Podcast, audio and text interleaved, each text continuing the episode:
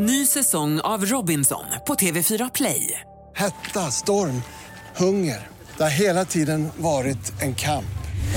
Nu är det blod och tårar. Fan händer just nu. Det. är Detta är inte okej. Robinson 2024, nu fucking kör vi! Streama söndag på TV4 Play.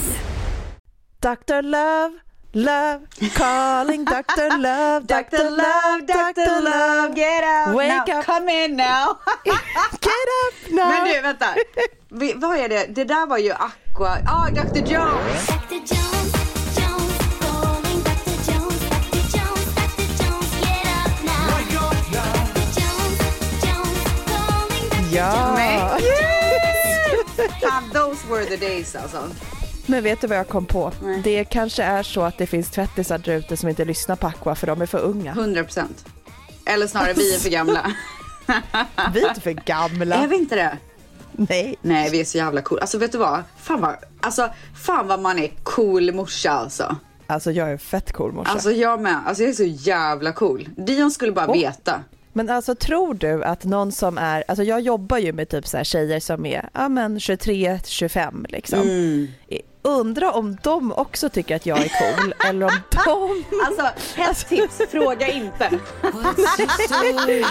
What's your sign? It's like we're twin flames in a different life. Deep connection lights a spark. It's like you know me in the depths of my heart. We come alive. Men jag tycker också, för mig är det typ viktigt att inte säga, ah, ja nu är jag en morsa så nu måste jag börja gå i typ galonöverdragsbyxor till parken och sluta sminka mig och bara ha håret i Åh gud, en du beskrev precis mig typ. Minus galonisarna för det behöver man inte här. Alltså fy fan, jag garvade så mycket när jag lyssnade på podden förra veckan när du berättade om din playdate och jag berättade om min park. Alltså vilka har vi blivit typ?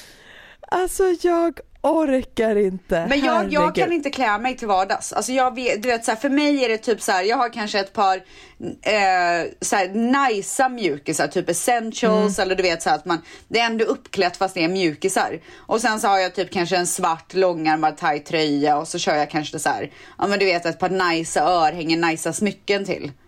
Och så har jag alltid fixat hår, eller absolut inte alltid, gud vad jag överdriver. Alltså nu trodde jag typ att jag var Abby Baby 100%, det är jag ju inte. Du gick lite in Ja, alltså, men jag försöker typ så här gå och färga håret en gång i veckan i alla fall. Och då håller det ju ganska många dagar. Du har alltid sjukt fint hår. Men det är också så här, LA har ju en viss typ av vibe som Stockholm inte har. Det är lite skillnad på vibesen. Alltså i LA är det ju typ, dels har, du ju, har ni en värme som vi inte har. Så att ni kan ju gå typ mer chillat klädda på ett annat sätt. Alltså här måste du ju tänka till för du måste ha så mycket kläder på dig.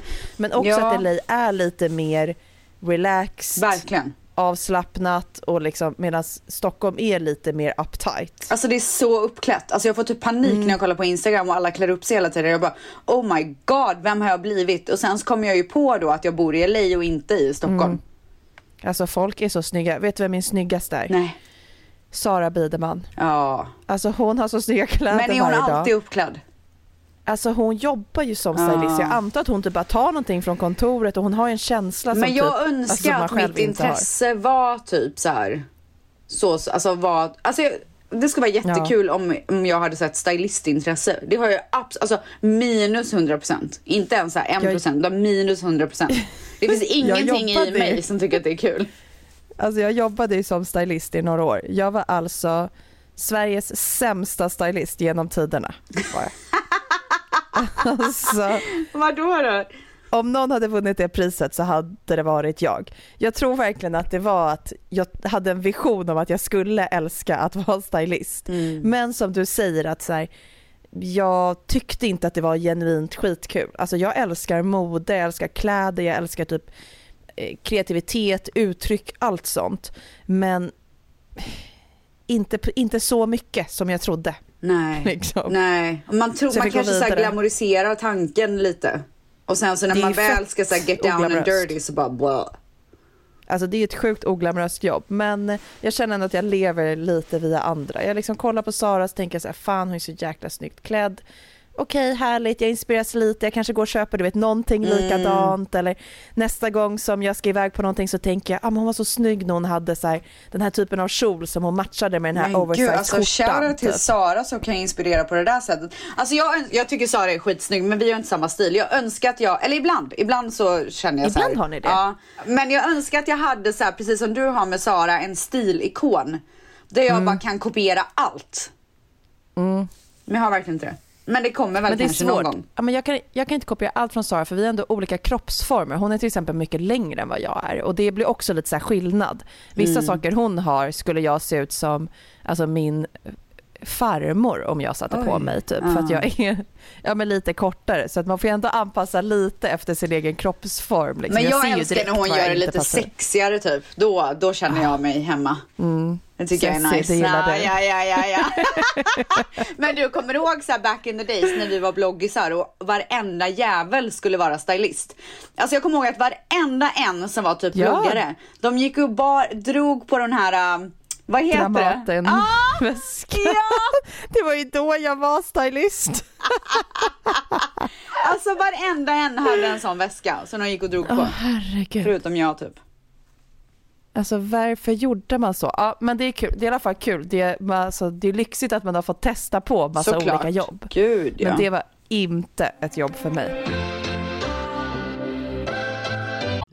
Aj, aj, aj, det kluckar i rören. Men det är väl inget att bry sig om? Jo, då är det dags för de gröna bilarna. Spolarna behöver göra sitt jobb. Spolarna är lösningen. Ah, hör du? Nej, just det. Det har slutat. Sälja bilen? För dåligt betalt av din traditionella bilhandlare? Växjö Bilförmedling hjälper dig. Vi börjar med en kostnadsfri värdering. Tänk vad skönt att slippa tvättning, fotografering och ta hand om alla tänkbara och otänkbara köpare. Se vår instruktionsfilm på Facebook om hur det fungerar och anlita oss. Växjö Bilförmedling.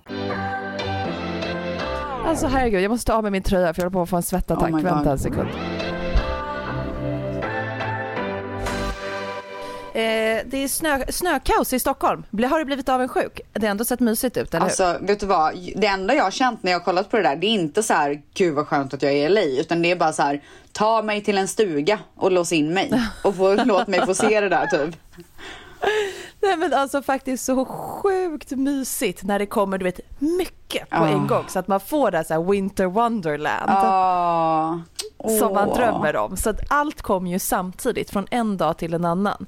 Men sen så är det ju så här, alltså det är så vackert och så magiskt och så härligt. Men det blir också kaos i, alltså överallt. Men allt, Inget, alltså, nu ska vi inte sitta och prata om vädret för länge men jag har ju sett att allting har slutat fungera typ.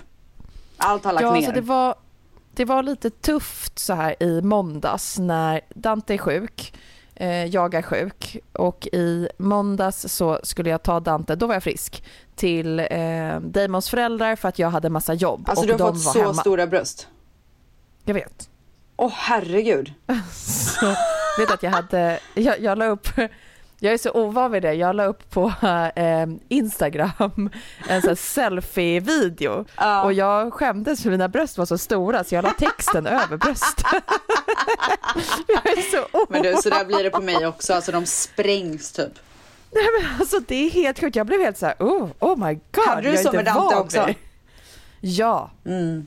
och för, alltså speciellt efter. Men liksom under graviditeten blev de ju större och större och större och sen efter så var det ju bara Alltså jag har en bild när jag sitter och ammar Dion. Och eh, hans huvud är mindre än min, mitt ena bröst. Nej men det, nej, men det är så här, jag också så här, jag gjorde eh, ja, så här, vecka för vecka så gjorde jag ju några efter graviditeten sådana videos. Och när jag ser när jag sitter och pratar då är det så här, jag kan inte titta på något annat än mina bröst.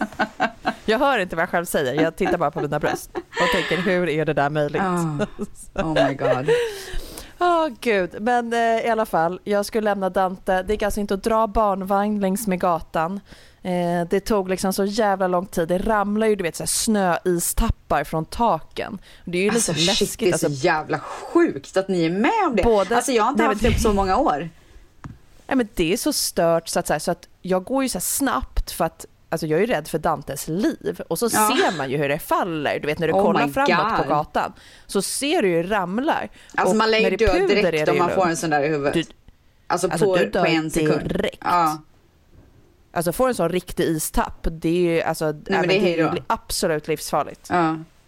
Så jävla läskigt. Mm. Ja, så att eh, jag liksom kämpade på där i snökaoset och då kände jag att ah, mm, snön jättemysig men också vidrig. Eh, Alltså säg inte att du gick till liksom- lekparken för då vet jag inte vad jag gör.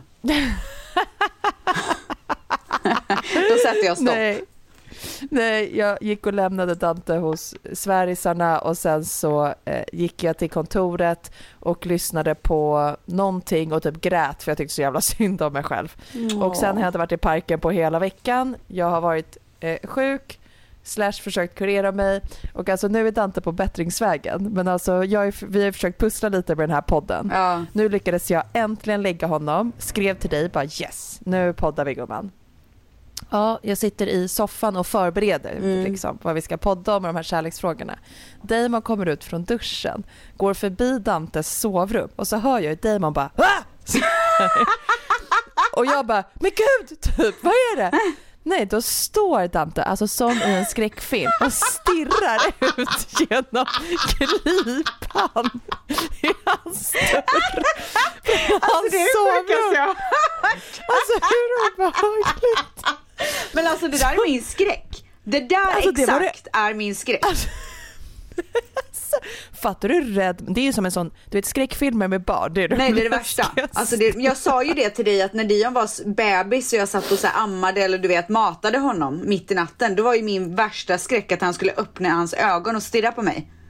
Exakt, Alltså, det är så läskigt. Nej men det är hemskt. Även fast det är ens eget barn ja, är det nej, läskigt. nej nej nej. Men man är ju Alltså, rädd att någonting har hoppat i barnet. Det är ju inte att det är Ja, ens... Nej precis, att någonting har tagit över. Exakt. Nej men alltså Damon blev så fucking rädd. Och sen vi, blev han liksom att han blev skrattig och då ville han ju inte visa Dante att han tyckte att det var kul. Nej. Typ, så han försökte också vara seriös. Och du vet, vi bara det här är så jäkla Men gud är han obehagligt. vaken nu då? Nej men alltså sen Dante, man bara men nu räcker det Dante, du måste gå och lägga dig, gå, liksom nattar om honom och han går och lägger sig och sen så nu fem minuter innan jag skulle in, ja men då går ju Damon förbi igen och bara nej men Dante, då står Dante där igen. Det sjuka är att varje gång, alltså vi vet inte hur länge han har stått där varje gång. Vi har inte hört honom. Han kan ha stått sen kvart. Men alltså var, varför säger han ingenting? Nej, han står och väntar på att någon ska gå förbi. Alltså det hade Dion honom. aldrig gjort. Han hade bara bara nej nej!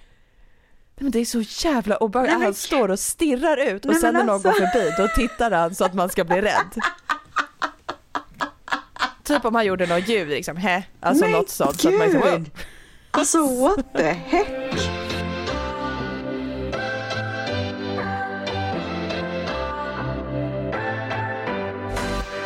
Vet du vad, det är nog först typ för ett halvår sedan som jag kände att Mm. eh, det är inte på liv och död längre när han är sjuk. Jag är så mycket mer Nej. avslappnad. För när Mm. de är små, då är det så, alltså du vet, man är så rädd. För att de är så sköra. Mm. Nej, jag, ja, jag förstår vad du menar. Jag känner mig Alltså jag känner mig ändå mer chillad nu. Jag Ja. är inte lika rädd typ när han har feber och Same. så. Det är ju bara det att han själv fortfarande är så liten och känslig. Mm. Och han är ju så att han typ kräks vad han än är för sjuk. Ja, jag För att- fattar. Ja men han är ju ett kräkbarn. Ja. Ja så det är liksom, det är ganska mycket, det är fullt hus Ja. med de här jävla spyorna och den här sjukdomen. Även om han inte är magsjuk på något sätt. Men har du spytt någonting då? Jag har spytt, nu måste jag se, vi hördes för en vecka sedan. Ehm, och då berättade jag att jag hade spytt lite grann och så. Jo, i fredags innan jag skulle på mitt rutinultraljud som jag berättade om. ehm, då så spydde jag i en papperskorg utanför. Föris. Ja, perfekt. Och sen så eh, sprang jag in på ett möte och då spydde jag fyra gånger på mötet. Alltså fy fan. Eh, och då kände jag det här, nu känns det inte kul mer. Och sen så gick jag till min eh, barnmorskemottagning och skulle ha det här rutinultraljudet och då träffade jag min barnmorska och frågade henne.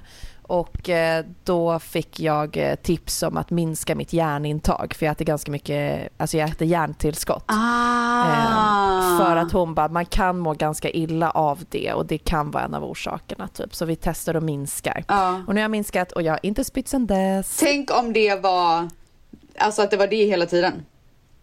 Alltså tänk... Kunde hon inte ha sagt det innan då känner jag lite spontant? jag har ändå frågat flera gånger så här, hallå jag mår fett dåligt och då har jag fått de här tabletterna Ja. och du vet massa tips och råd. Men jag vet inte om det är så att eftersom jag hade järnbrist så är det väl att man helst vill då att jag ska äta tabletterna och det är en Ah, sista okej. utväg. Men hon kunde jag väl sagt kanske- det då? Man kunde väl ätit varannan dag Ja. eller liksom, alltså bara Eller få också lite så här, extra. det kan vara de här tabletterna som gör det. Men kämpa på för det är verkligen bra om du äter dem. Så att du Exakt. vet.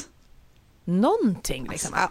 Men sen så gick jag på ultra, rutinultraljudet och förra veckan berättade jag att jag var lite nervös. För att du hade blödit. Precis. Ja. Ja, och då går de ju igenom allting så säger de ju så här, lårbenen ser bra ut. Du, bla, bla, alltså bla, vet du att när jag ut. gjorde ultraljud för Dion, då sa ju Mm. de att han hade korta lårben.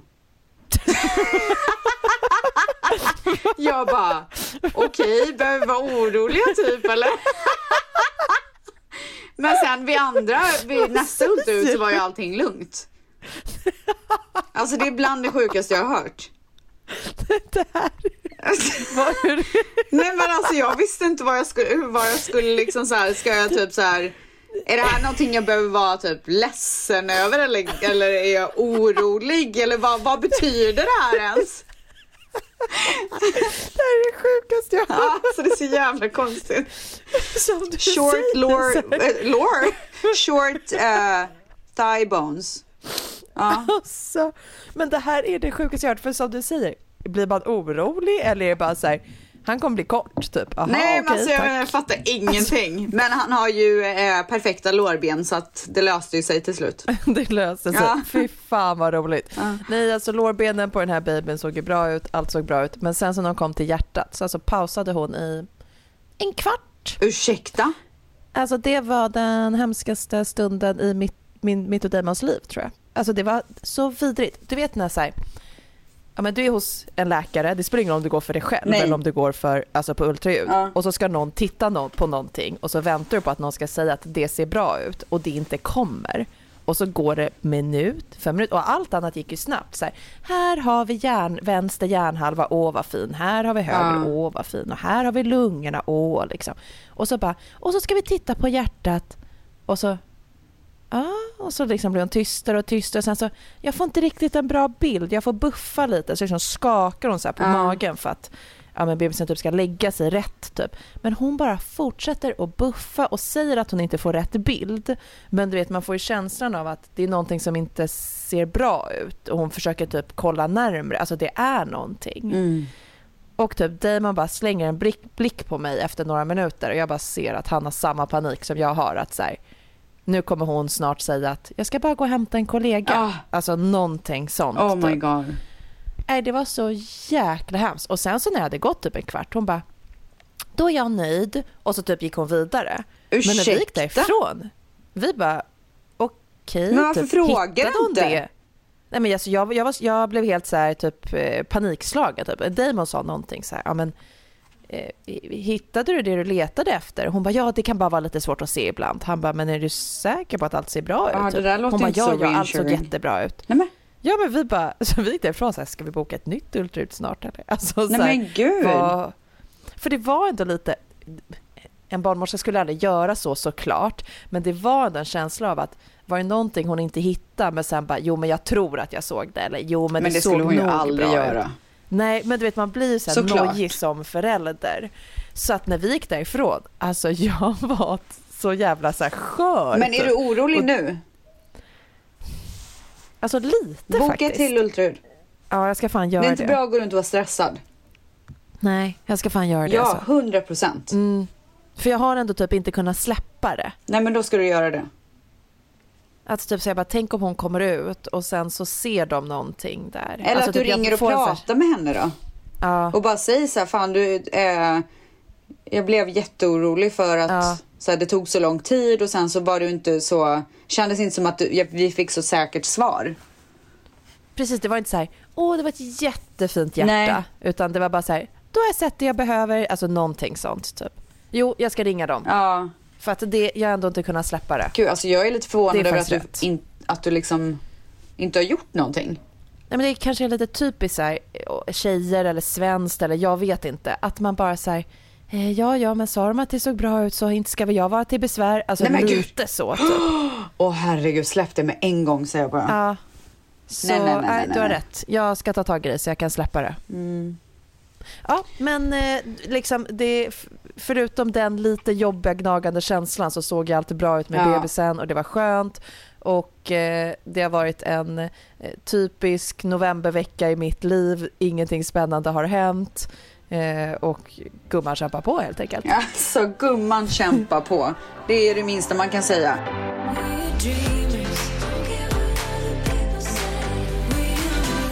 Jag har ju varit på eh, hos läkaren. Och eh, så här lät det när jag var där. You see how it connects now? Mhm. That lower part here didn't seem to connect. Så att när jag kommer dit så säger de att jag ska göra ett eh, saline test. Alltså hon bara, ja här får du en eh, eh, typ penicillinantibiotika, en tablett. Jag bara, vad ska jag göra med det här? Hon bara, ta det ikväll. Jag bara, varför då? Hon bara, men vi ska ju göra den här proceduren typ. Jag bara, men kommer det göra ont? Alltså jag fick- panik. Jag, bara, alltså, jag, måste, jag kan göra grejer som gör ont, men jag måste förbereda mig. Jag kan inte komma dit och säga dem så här, nu ska vi göra det här. Då får jag panik. Ja, så att eh, hon bara, det kommer inte göra ont, du kommer känna av det, det kommer vara lite obehagligt men det kommer inte göra ont. Så att eh, han stoppade in någon lång jävla, något långt rör upp i hela min livmoder typ. Och sen sprutade han massa vatten. Take this out. Water everywhere. Okay?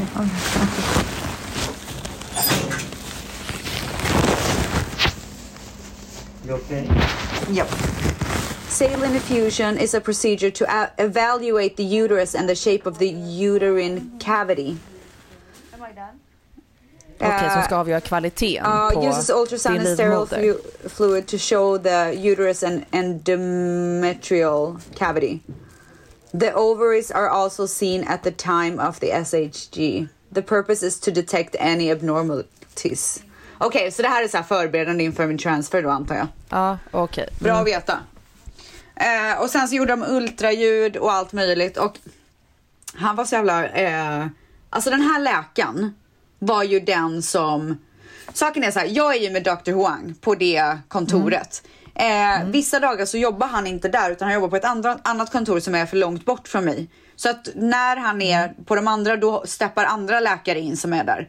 Så att, och jag har haft den här gubben, eh, han var typ den som upptäckte att det kanske inte fanns något hjärtslag för min förra gravi- graviditet. Och sen så eh, veckan efter så confirmade ju Dr. Wang. Så att, eh, och jag tycker typ så här, jag blev typ äcklad av honom på grund av att han, han hanterade så jävla, alltså det var liksom inga känslor i det. Nej, jag förstår. Eh, och så gammal gubbe som typ eh, var okänslig. Alltså förstår du, vem, förstår du typen? Han kändes för hård för eh, det var, fanns ingen så här ompyssling i hans typ själ. Jag förstår precis.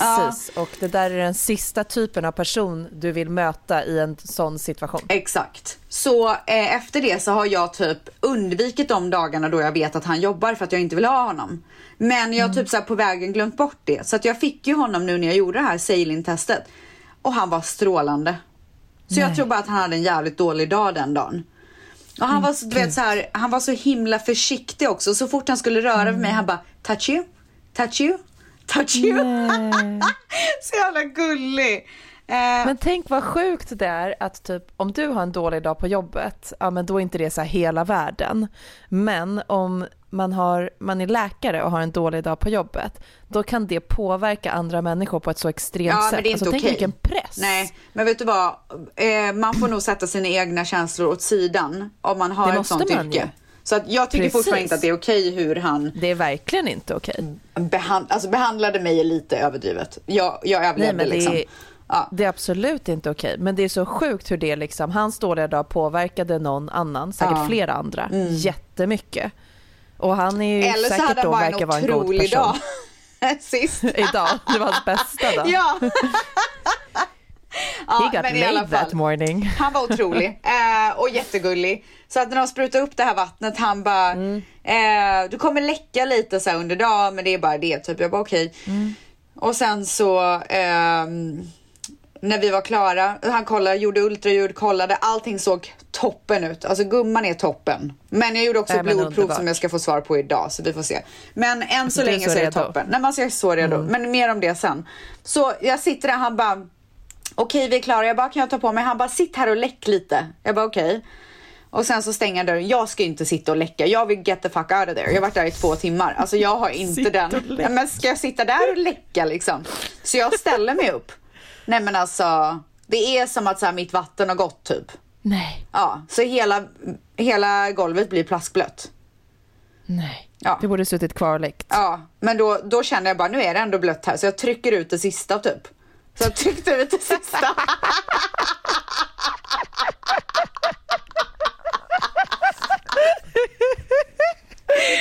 På lite innan och sen så städade jag faktiskt upp för de som är nyfikna på det.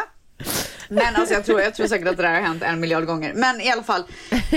Eh, gick ut därifrån, fick sätta mig i ett kontor och där gick vi igenom när jag ska göra transfern. Så att det kommer ju ske relativt snart.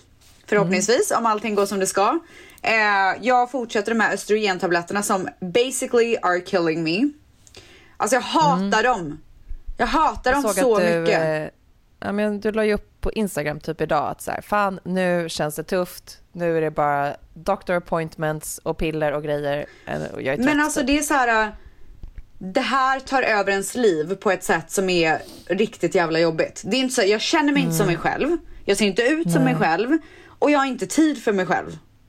Nej. Alltså det är, du vet, det är så mycket läkarbesök och blodprov och eh, undersökningar och planering och mediciner och sprutor och liksom och inte nog med det så påverkar det en själv så jävla mycket. Jag har ju noll energi. Jag frågade henne när jag var där. Är det normalt att man blir så här trött av de här tabletterna? För att jag är alltså omänskligt trött. Och hon bara, ja det är absolut, det är så, här, det är så vanligt, bla bla bla. Så, ja.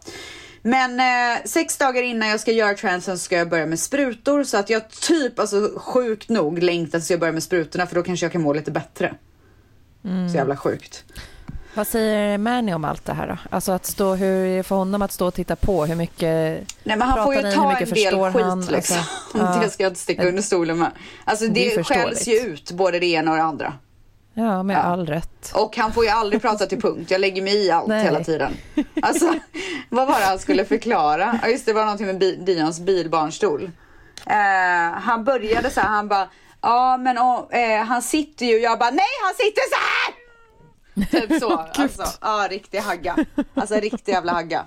Ehm, men då slutar han bara, då säger han bara så här, jag kan inte prata med dig. Och så går han typ. Ja, Fast om jag är ledsen Mm. Det är så ju gör han sig- inte det, såklart. Nej men det är ju för sig bättre än att han säger låt mig prata till punkt och Ja, så ska ni börja sig, det bråka. gjorde han liksom. också. Jag tror, Ja, jag men tror att det är så här varannan gång typ som man klarar att hålla ihop Ja. det. Alltså för jag har ju gravidhormoner, de är inte heller asglada liksom Nej. jämt. Och i förrgår så bråkade jag och Damon så mycket om blandare till nya lägenheten. Ja men gud det alltså där kranar. Ja. Så att eh, vi satt i varsitt rum resten av kvällen och surade. Och så känner jag ju här, bara, överdrev jag för att jag är gravid? Ja, kanske. Och sen så tänker jag, Det fan, fan fan ta. helvete, det är ju inte han som går igenom det här jävla pisset. Exakt, så där är jag med. Alltså först tänker jag så här, men gud vad, vad håller jag på med? Och sen bara, nej, jag får fan hålla på bäst jag vill. Exakt.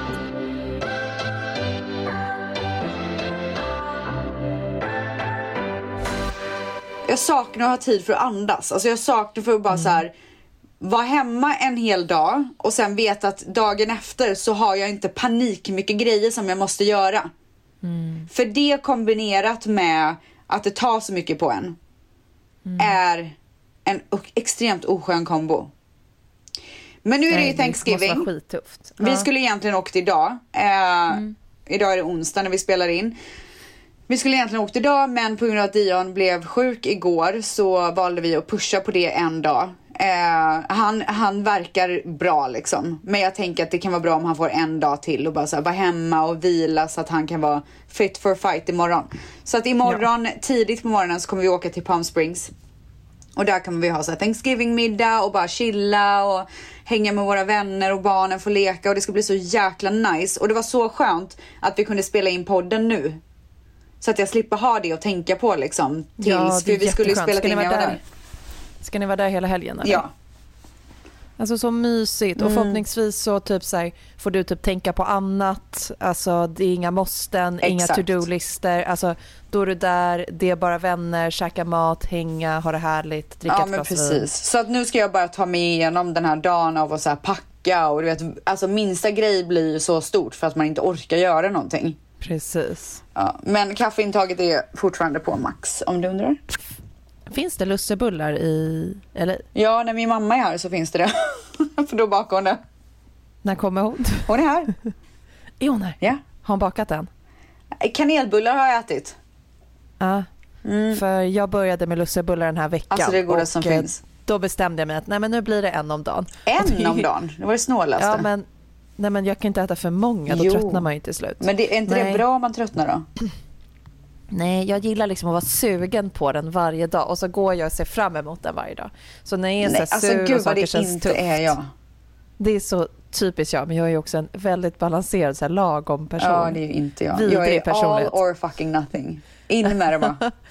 Men Du som Petra, Ja. eh, och Petra och jag pratar ju alltid om så här, hur olika vi är. Att jag är alltid så här, ta en liten bit, så här. Eh, lagom mycket. Men alltså vet Och du, sån där är ju Manny. Hon hatar det. Alltså, när, du vet, om jag ger honom någonting, typ, om, låt säga att jag har en chokladkaka. Mm. Då kan han ta en bit. Och så bara tack, jag bara vill ha mer. Han bara nej det är bra. Vad var meningen med det? Alltså vad, jag fattar ingenting. Jag hade aldrig Alltså, jag gjort det. dig. Men tänk om jag och Märna hade levt tillsammans så hade våra chokladkakor hållit i ett halvår. Nej men alltså det är sinnessjukt. Jag är så här, alltså det är ingen, varför ska jag ta en bit? Då kan jag lika gärna skita i det. Ja men så är typ Damon också. Men alltså som jag nu, jag vet att okej, jag har haft en skittuff dag med Dante. Han har varit sjuk men har vägrat sova och jag har också varit sjuk. Dessutom har jag haft två möten hemma på länk medans han och jag har varit sjuka. Mitt liksom goal för idag det är att jag vet att när vi har poddat klart här, då ska jag gå och ta mig en kopp te, ta min lussebulle som väntar på mig där ute, sätta på Bachelorette och bara mysa. Och då känns allt lite bättre i en timme. Nej men alltså då känner jag bara att du är värd att trycka tio av de där lussebullarna. Nej, Men då skulle jag må för illa, det går inte, jag är nöjd efter en. Alltså, och så vet jag, åh jag imorgon får jag en ny. Nej! Nej fy fan jag blir typ äcklad. Aj, aj, aj, det kluckar i rören. Men det är väl inget att bry sig om? Jo, då är det dags för de gröna bilarna. Spolarna behöver göra sitt jobb. Spolarna är lösningen. Ah, hör du? Nej, just det. Det har slutat. Ett poddtips från Podplay. I podden Något Kaiko garanterar östgötarna Brutti och jag, Davva, dig en stor dos skratt. Där följer jag pladask för köttätandet igen. Man är lite som en jävla vampyr. Man har fått lite blodsmak och då måste man ha mer. Udda spaningar, fängslande anekdoter och en och annan arg rant. Jag måste ha mitt kaffe på morgonen för annars är jag ingen trevlig människa. Då är du ingen trevlig människa, punkt. Något Kaiko, hör du på Podplay. Därför är gardinerna.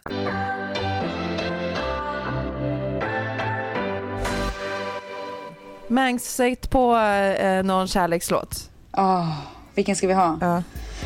Unbreak my heart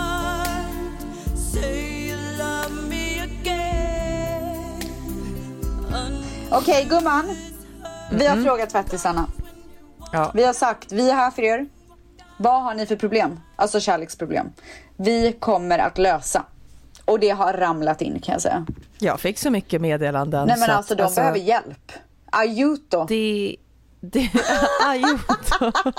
Gud, blev du italienska? Jag har väl bott i? Italien för fan. Men gumman, Milano, Alltså kom fram. aiuto. Också sett att du sa det på aiuto. ah fucking juto tvättisar. Okej. Nej, Men alltså det var jättebra, men jag måste få börja med Okej, en du för får att börja. den här, jag kan, jag kan inte Är det sjukt? Är det sjukt beteende? Jag tycker att det här är, alltså det är ju för att jag kanske är gravid, men det här är fan bland det sjukaste. Du kommer känna igen dig. Oh, oh, vad vad Okej. menar du? Du kommer känna Nej, men du igen kommer känna dig? igen dig i att man går igenom någonting och så gör någon någonting emot den och så känner man what the fucking fuck. Så Oh my här. god, okej. Min sambo gick med i en otrohetssajt i somras och efter någon månad gjorde det står inte om det är han eller vi, men gjorde, gjorde vi slut. Eh, vi har en dotter på två och ett halvt år tillsammans och jag vet inte hur jag ska gå vidare. Vi försökte dessutom skaffa syskon i somras och min största sorg nu är att jag inte får vara med mitt barn varje dag. Okej, för, för det första så spyr jag rätt ut. Jag spyr rätt ut. Alltså, det där är ju Om jag hade skräcken. kommit på, tänk så här, ja, men nu försöker du och Mani få barn, ja, men så här, jag och Damon väntar barn. Alltså om jag hade kommit på honom med att vara medlem i en otrohetssajt, alltså Vad har du gjort? jag vet inte, jag blir, jag blir så fruktansvärt arg och besviken när jag hör det. Så att, alltså jag hade ju skickat ut honom med huvudet före men jag hade varit så jävla besviken över att han kunde göra så mot mig alltså. Mm. Och inte bara mot mig, ärligt talat mot Dante. Alltså, m- de, de har en dotter på två och Alltså det där Hur är kan, min grej. Hur kan han göra så Var mot otrogen henne? mot mig så är du otrogen mot våran familj. Och det är det Exakt. som är problemet. Exakt, du väljer att förstöra allt som vi har Ja. tillsammans. För ditt barn. Och det är så jävla respektlöst. Men vad gör man? Alltså, Alltså på ett sätt så låter det ju här... ehm, ja men det känns som att hon skulle kunna typ förlåta... Jag får en känsla av att det låter som att hon skulle kunna förlåta honom just för att hon tycker att det är så jobbigt att vara ifrån sitt barn.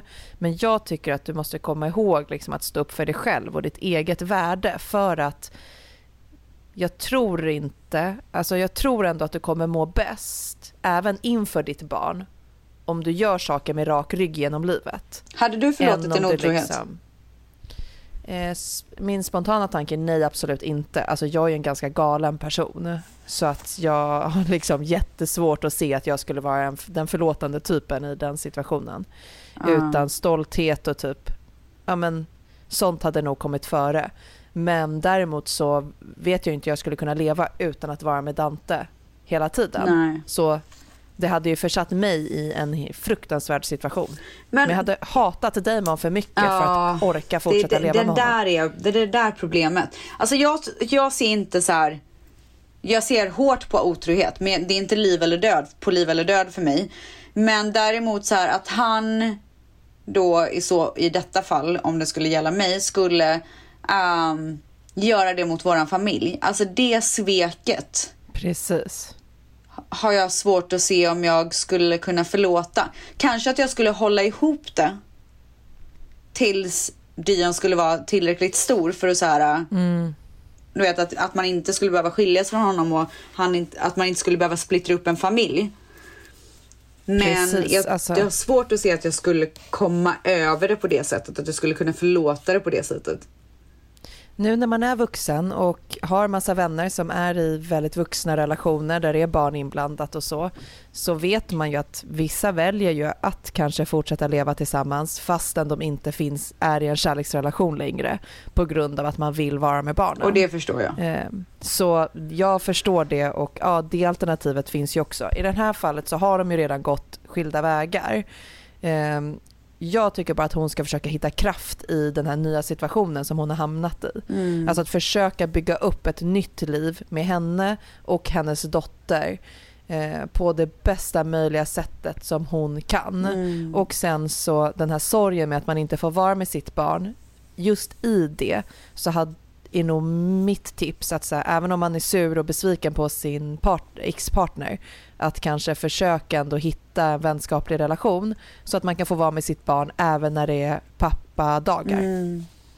För Ja, det har ju också kompisar när de bråkar, när de bråkar då får, brukar det ju vara så att då vill man ju inte ses alls. Ja. Men när man är sams då kan man ju faktiskt gå över till varandra och äta en middag för att man saknar sitt barn en Mm. tisdag. Och det är jäkligt fint att känna att man har tillgång till sitt barn hela tiden. Och är det så att ni skulle vilja ge det en chans, att båda vill ge det en chans, då kanske man ska Mm. testa terapi och se om det kan ge någonting. Men Ja, då måste ju han verkligen håller. vilja ändra Ja, för att sitt om sätt. han aktivt gick med i en otrohetssajt då verkar det inte vara någonting, ett infall att han råkade vara otrogen utan det var ju någonting han... Det, det är verkligen ett aktivt val att göra så här.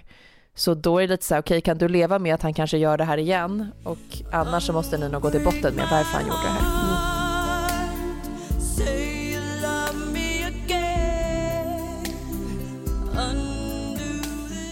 Jag är på utbyte i Frankrike och jag har verkligen förstört allt med en kille på min skola. Vi båda spelar samma sport och träffades genom den. Vi gick på fyra dejter och jag var inte alls intresserad i början. Jag var mer intresserad av hans lagkapten. Men en utekväll råkade jag gå hem med en annan kille från skolan och såklart var han reda på det. Han slutar höra av sig och när jag skriver till honom säger han att vi borde gå skilda vägar. Vi hade aldrig pratat om något seriöst eller så och eftersom att jag var full så råkade detta hända med den andra killen. Jag ser båda killarna i skolan dagligen och han jag förstörde allt med har jag börjat få mer känslor för.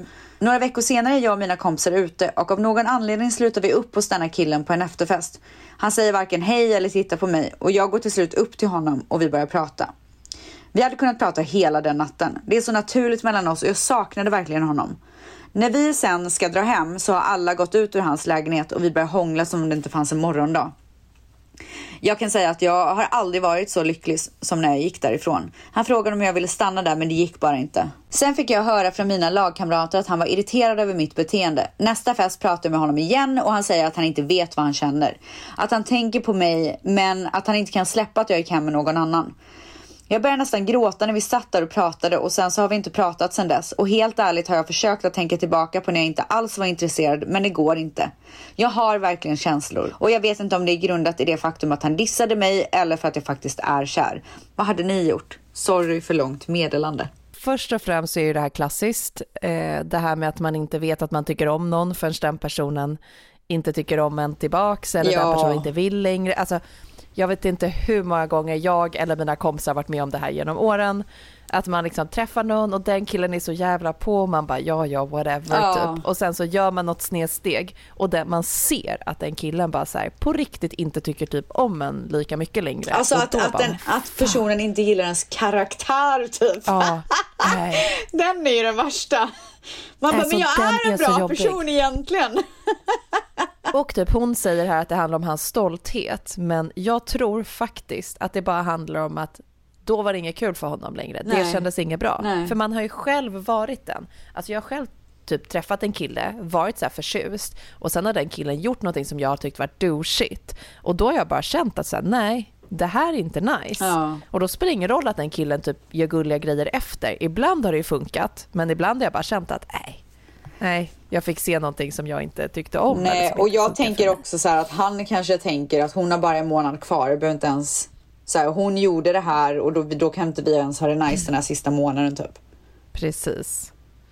Jag, Så- jag, mitt, jag skulle nog säga move on. Och försök Mm. göra det bästa av din månad där istället för att hänga upp dig på en kille som ändå är lite av typ. Jag håller med eftersom att det finns, du ska ju, du får ju ändå ditt avslut när du åker därifrån. Exakt. Det hade varit annorlunda om det var så att du bodde där. Alltså då hade jag sagt Ja! så här, okej, försök satsa, prata med honom, se om han kan komma över den här händelsen. Men nu när eh, alltså du ändå ska åka hem så, Nej, som du säger, ha kul sista månad. Ja, verkligen.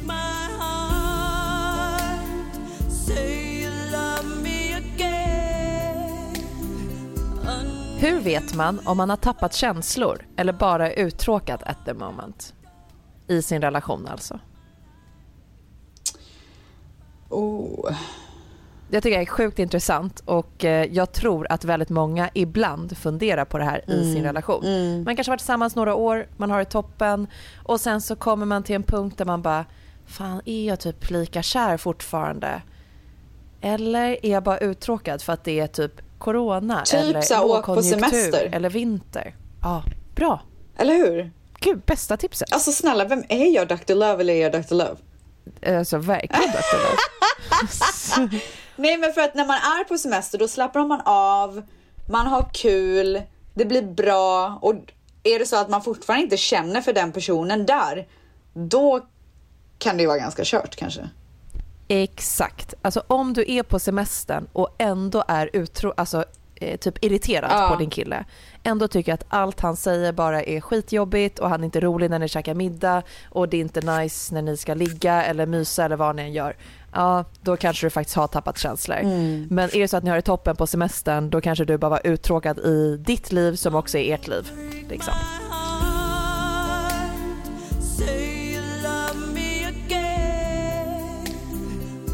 Hej, tack för en grym poddis. Nu till mitt problem. Jag är snart 30 år och lever tillsammans med min sambo och två barn, varav den minsta inte ens är ett år än. Vi hade det turbulent i vårt förhållande i början då han var otrogen en gång, men vi tog oss igenom detta och allt blev bättre. Därav två barn nu. Men det har också funnits ett ex med i bilden, hans ex, som lyckats komma emellan någon gång och skapat drama. Han har sagt att han inte vill ha något med henne att göra och han har tagit bort henne på sociala medier samt nummer med mera. Vi har sedan några månader tillbaka haft det tufft hemma med små barn men även andra saker och därav har det märkts att han blivit frånvarande. Jag har inte varit misstänksam alls senaste åren då han har varit tydlig med att han endast vill vara med mig och allt känns bra. I somras fick jag en magkänsla som jag bara inte kunde få bort. Därav snokade jag och hittade att han har skrivit med sitt ex och då väldigt flörtiga saker.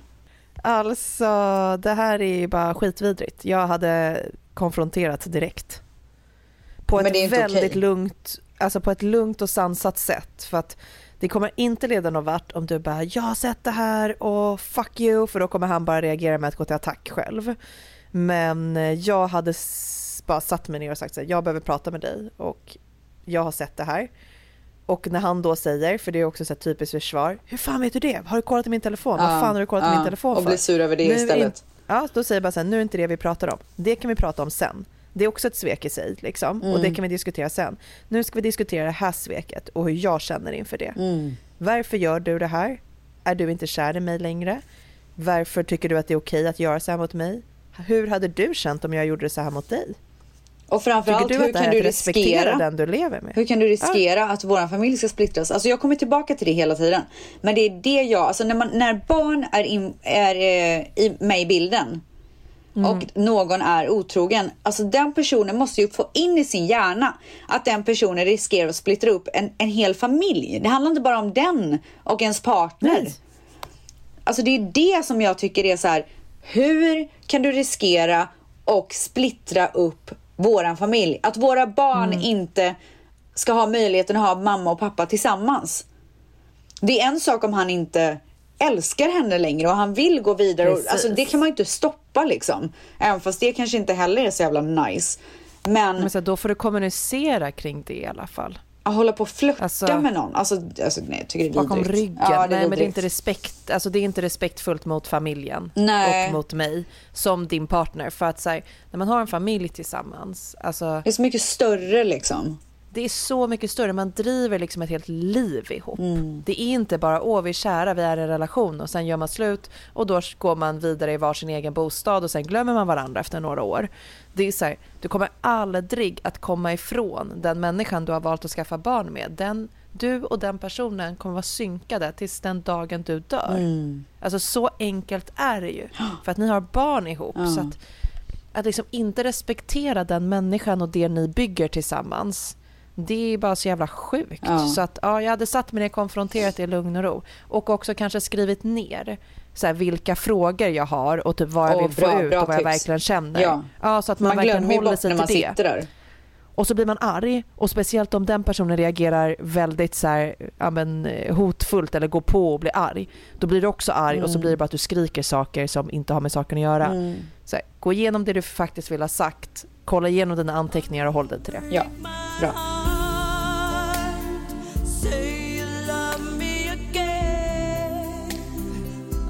Hur vet man när det är rätt? Eh, är det verkligen så stor skillnad som alla säger? Jag tycker att det är svårt att avgöra.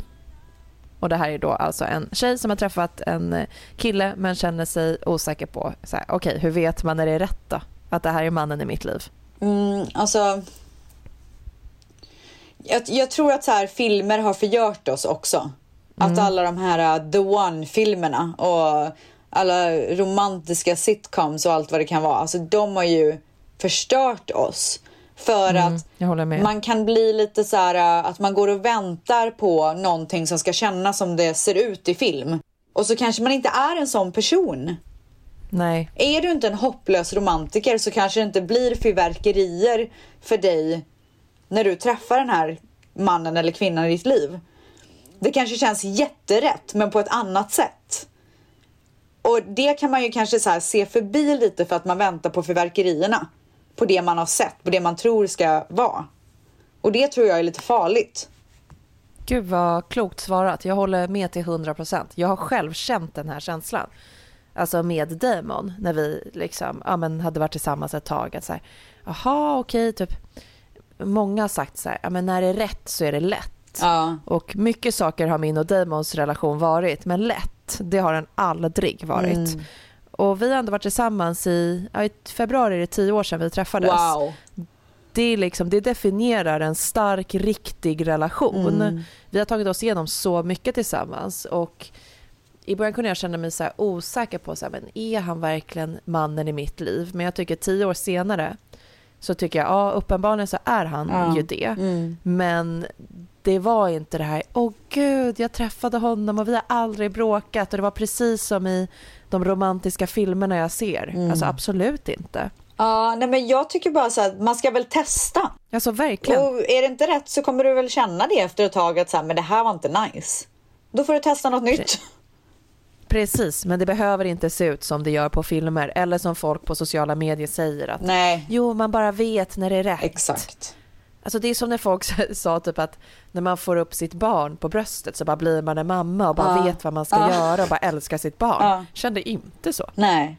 Och det är det, bara, men det, det har helt att göra med vem man är som person, situationen, alltså ens man eller kvinna, allt sånt där. Och, jag, och därför tycker jag att det är så himla viktigt att man ska ge, om man känner att det är intressant och att det finns någonting där, att man ger en chans och inte tror att det ska bli extremt i början, för man kanske inte är en extrem person.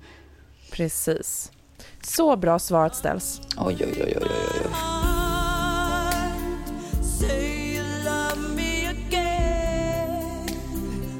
Nybliven mamma. Min partner hjälper mig jättemycket när han kommer hem, men jag känner nästan aldrig att det är tillräckligt. Vet liksom inte varför jag känner så. Blir avundsjuk på att han kan hoppa in i duschen och sitta vid telefonen utan att ha uttalad egen tid. Alltså, jag håller med. Jag blir fucking Ja, jag förbannad med. ibland. För att så här, min roll som mamma, nu, jag kan inte jämföra med allas, alltså det kanske finns pappor där ute som eh, har en mammaroll i, alltså hur ska man förklara det utan att trampa någon på tårna men för mig och vad jag har sett bland mina vänner och sådär är att mammorna är ju center. Det är ju, det, det, mammorna är ju den här eh, stabila stolpen i familjen. Som Verkligen. mamman är den som vaknar svinsnabbt om barnet ger ett litet knyst. För att vi har det inbyggt i oss. Vi har gått och burit på det här barnet. Det är min personliga tanke och åsikt och det finns säkert pappor där ute som eh, har det där också och det är jättefint. Men jag tycker att jag har det i den här familjen. Och jag kan bli lite irriterad på att eh, det inte faller sig lika naturligt. Men man är världens bästa pappa. Alltså han är otrolig. Du vet, han är så fort det är någonting med Dion, han är där på en sekund och så här. Skulle inte jag vara ännu snabbare så skulle han vara där. Förstår du vad jag menar? Men Jag jag, har, precis. jag har det i mig. Det, jag och Dion har ett band som ingen annan kan ha. Och så är det bara. Och det gör ju att jag, eh, på gott och ont, liksom, att jag blir den personen för honom. Och därför blir det så här. Nu, nu är det ju mycket bättre när han är äldre, men speciellt när han var liten. Det var så här, okej, jag ska bara gå och göra det här. Att man liksom ger en liten varning innan man går så att så här, ha koll nu. Men det är just för att man är där hela tiden och är den personen. Så att det blir lite så här en ond eller god cirkel beroende på hur man ser det. Då vill jag också säga att jag håller med dig om med det här att det är så påtagligt i början och sen förändras det ju när barnet blir några år men några år det är jävligt långt fram Ja, när men man det är så. Alltså, jag tycker verkligen att det var så. Men alltså, kill, männen blir ju lite så här uh, tafatta i början. De hittar inte sin plats. Och de säger ju det att när barnen föds att de är mer lika pappan för att pappan ska känna ett band i början. Precis, alltså verkligen. Så att, Dante var i och för sig fett lik mig när han föddes. Var? Men, eh, alltså det finns så bilder, min mormor gjorde så här collage Ja. på mig och Dante när vi har typ liknande så miner eller du vet, när jag sitter och äter när jag är sex månader och när Dante sitter och äter och eh, man ser alltså inte skillnad på oss. Om jag visar den för Dante idag så tror han att allt är han. men, men, såg han ut som du gjorde då? Alltså så här vuxen ålder? Precis som jag gjorde, ah, nej, som jag gjorde när jag var okej, bebis. för det är det jag liksom. menar, för när de kommer Mm. ut att de ska se ut som pappan så att pappan bara, Mm. ah, okej. Precis, That's my kid. hittar anknytning. Ja. Men jag håller med dig och jag brukade alltid säga till Damon så här, jag bara, det är alltid jag som har huvudansvaret. Ja. Och det var liksom så jag kunde förklara Ja. det. Att så här, jag, bara, jag blir galen på att det alltid är jag som är huvudansvaret. Det Mm. känns som att du får hoppa in och ta ansvar när du vill eller det känns bra. Att det eller står du och orkar faller på en liksom. Ja, men jag bara, jag får aldrig ett fucking break för det känns som att allt, ja men det, det är jag som alltid har ansvaret och måste hålla koll på allt. Och om jag ska gå och duscha, då måste jag liksom planera det i veckor. Ja. Men alltså du bara går och tar en dusch. Ja. Så att jag förstår hennes frustration och jag tror att den är jättesvår att typ eh, ja, men hitta samsyn i för att jag tror inte att då partnern när man känner så här kan förstå exakt hur man känner. Eh, det verkar i alla fall inte som att de flesta kan det. Eh, Nej, och då jag håller verkligen med. blir de frustrerade och tycker men jo jag hjälper ju visst Ja. till eller jag är ju visst och man bara ja fast inte på samma sätt som jag gör. Alltså det här Liksom. skulle ju aldrig funka med mig och Mani, men eh, om vi skulle vara i den situationen. Men mm, vissa personer är ju på det sättet och i så fall skulle jag rekommendera att man sätter lite fasta tider. Att så här, Mm. mellan 10 och 11 så tar du barnet. Precis. Då har du en timme till att göra vad du vill och sen kanske vid så här 4-5 då tar du barnet en timme igen. För att jag tror också att det är viktigt att pappan hittar sin plats. Att pappan, att det liksom blir lite mer med. naturligt för pappan och det kan bara hända om pappan spenderar mycket tid med bebisen. Det är då de får det, det riktiga bandet. Jag håller helt med att så här, våga kanske då föreslå att nu är det er tid och nu ska jag gå och göra någonting helt annat och jag kommer inte ens vara i samma rum. Ja, exakt. Hej då. För att det är också, ibland lägger vi det på oss själva. Jag hade med Dante jämt i Mm. början. Alltså jag gick till och med på toaletten med honom varje gång fastän typ Damon var hemma. Men det är för att så det är lättare att göra det för annars måste du Ja. förklara och fråga och ditt och datt och liksom. Precis, men det är så sjukt. Egentligen borde jag bara säga så här, jag ska gå på toaletten nu, jag ska låsa om mig, jag ska vara där i 30 minuter. Ja. Tack och Oj, adjö. tar det så lång tid för dig att bajsa? Nej, men jag får ju egen tid. Jag kan scrolla på mobilen. Tror att det tar så lång tid för pappor varje gång? Nej, jag tror bara att de vill liksom de sitter bara och en njuter lu- typ. stund för sig själva. Men gud, så mycket sen jag hemorrojder typ. Alltså sen jag blev mamma så sitt, är jag ju på toaletten betydligt längre. Men jag Mm. sitter inte bara där. Jag liksom håller på med mina skönhetsprodukter, Ja, så jag låser och så vill jag vara i typ. fred. Ja. Jag älskar det för det är enda stället jag kan låsa Ja. i hela liksom, hemmet. Så, och sen så är det ju också så, det vill jag också säga att ibland om någon tvingas till någonting, då förändras ju någonting, men det måste ju vara ganska drastiskt. Ja. Alltså till exempel att Dante hade ju sömnproblem fram till att han var ett och ett halvt. Och när han började sova, då började jag också sova. Och då blev jag som en björn, så att jag är ibland omöjlig att väcka. Och förstå att jag har varit den som har vaknat på liksom minsta, du vet så här, Ja. Alltså så har jag Ja. vaknat. Men sen han, ja men sen typ ett år tillbaks, då är det faktiskt nästan oftare som Damon vaknar Ja. än jag. Alltså det är, en, det är någonting helt som död. ändras. Och eh, det blir bättre. Alltså i, eh, i mitt fall så har det blivit jättemycket bättre. Mm. Eh, I ditt fall låter det som att det har blivit jättemycket bättre också. Verkligen. Och jag tror att det blir så mycket lättare för männen när barnen blir lite större för då, då, då blir det en person. Då vet de så här, vad de ska göra och de hittar sin plats Exakt. mycket mer. Men jag- typ våga ställa krav, Ja. eh, våga liksom, alltså, be om egen tid och också faktiskt på ditt ansvar se till att ta den egen tiden. Ja, att exakt. sitta inte bredvid och sen bara Ja, men sluta vara på mig eller fråga vad jag ska göra utan gå och gör någonting helt annat. Mm. Var inte där. Låt dem få göra sin grej och Precis. så är du någon Ja, annanstans. låt dem liksom skapa det här bandet sinsemellan.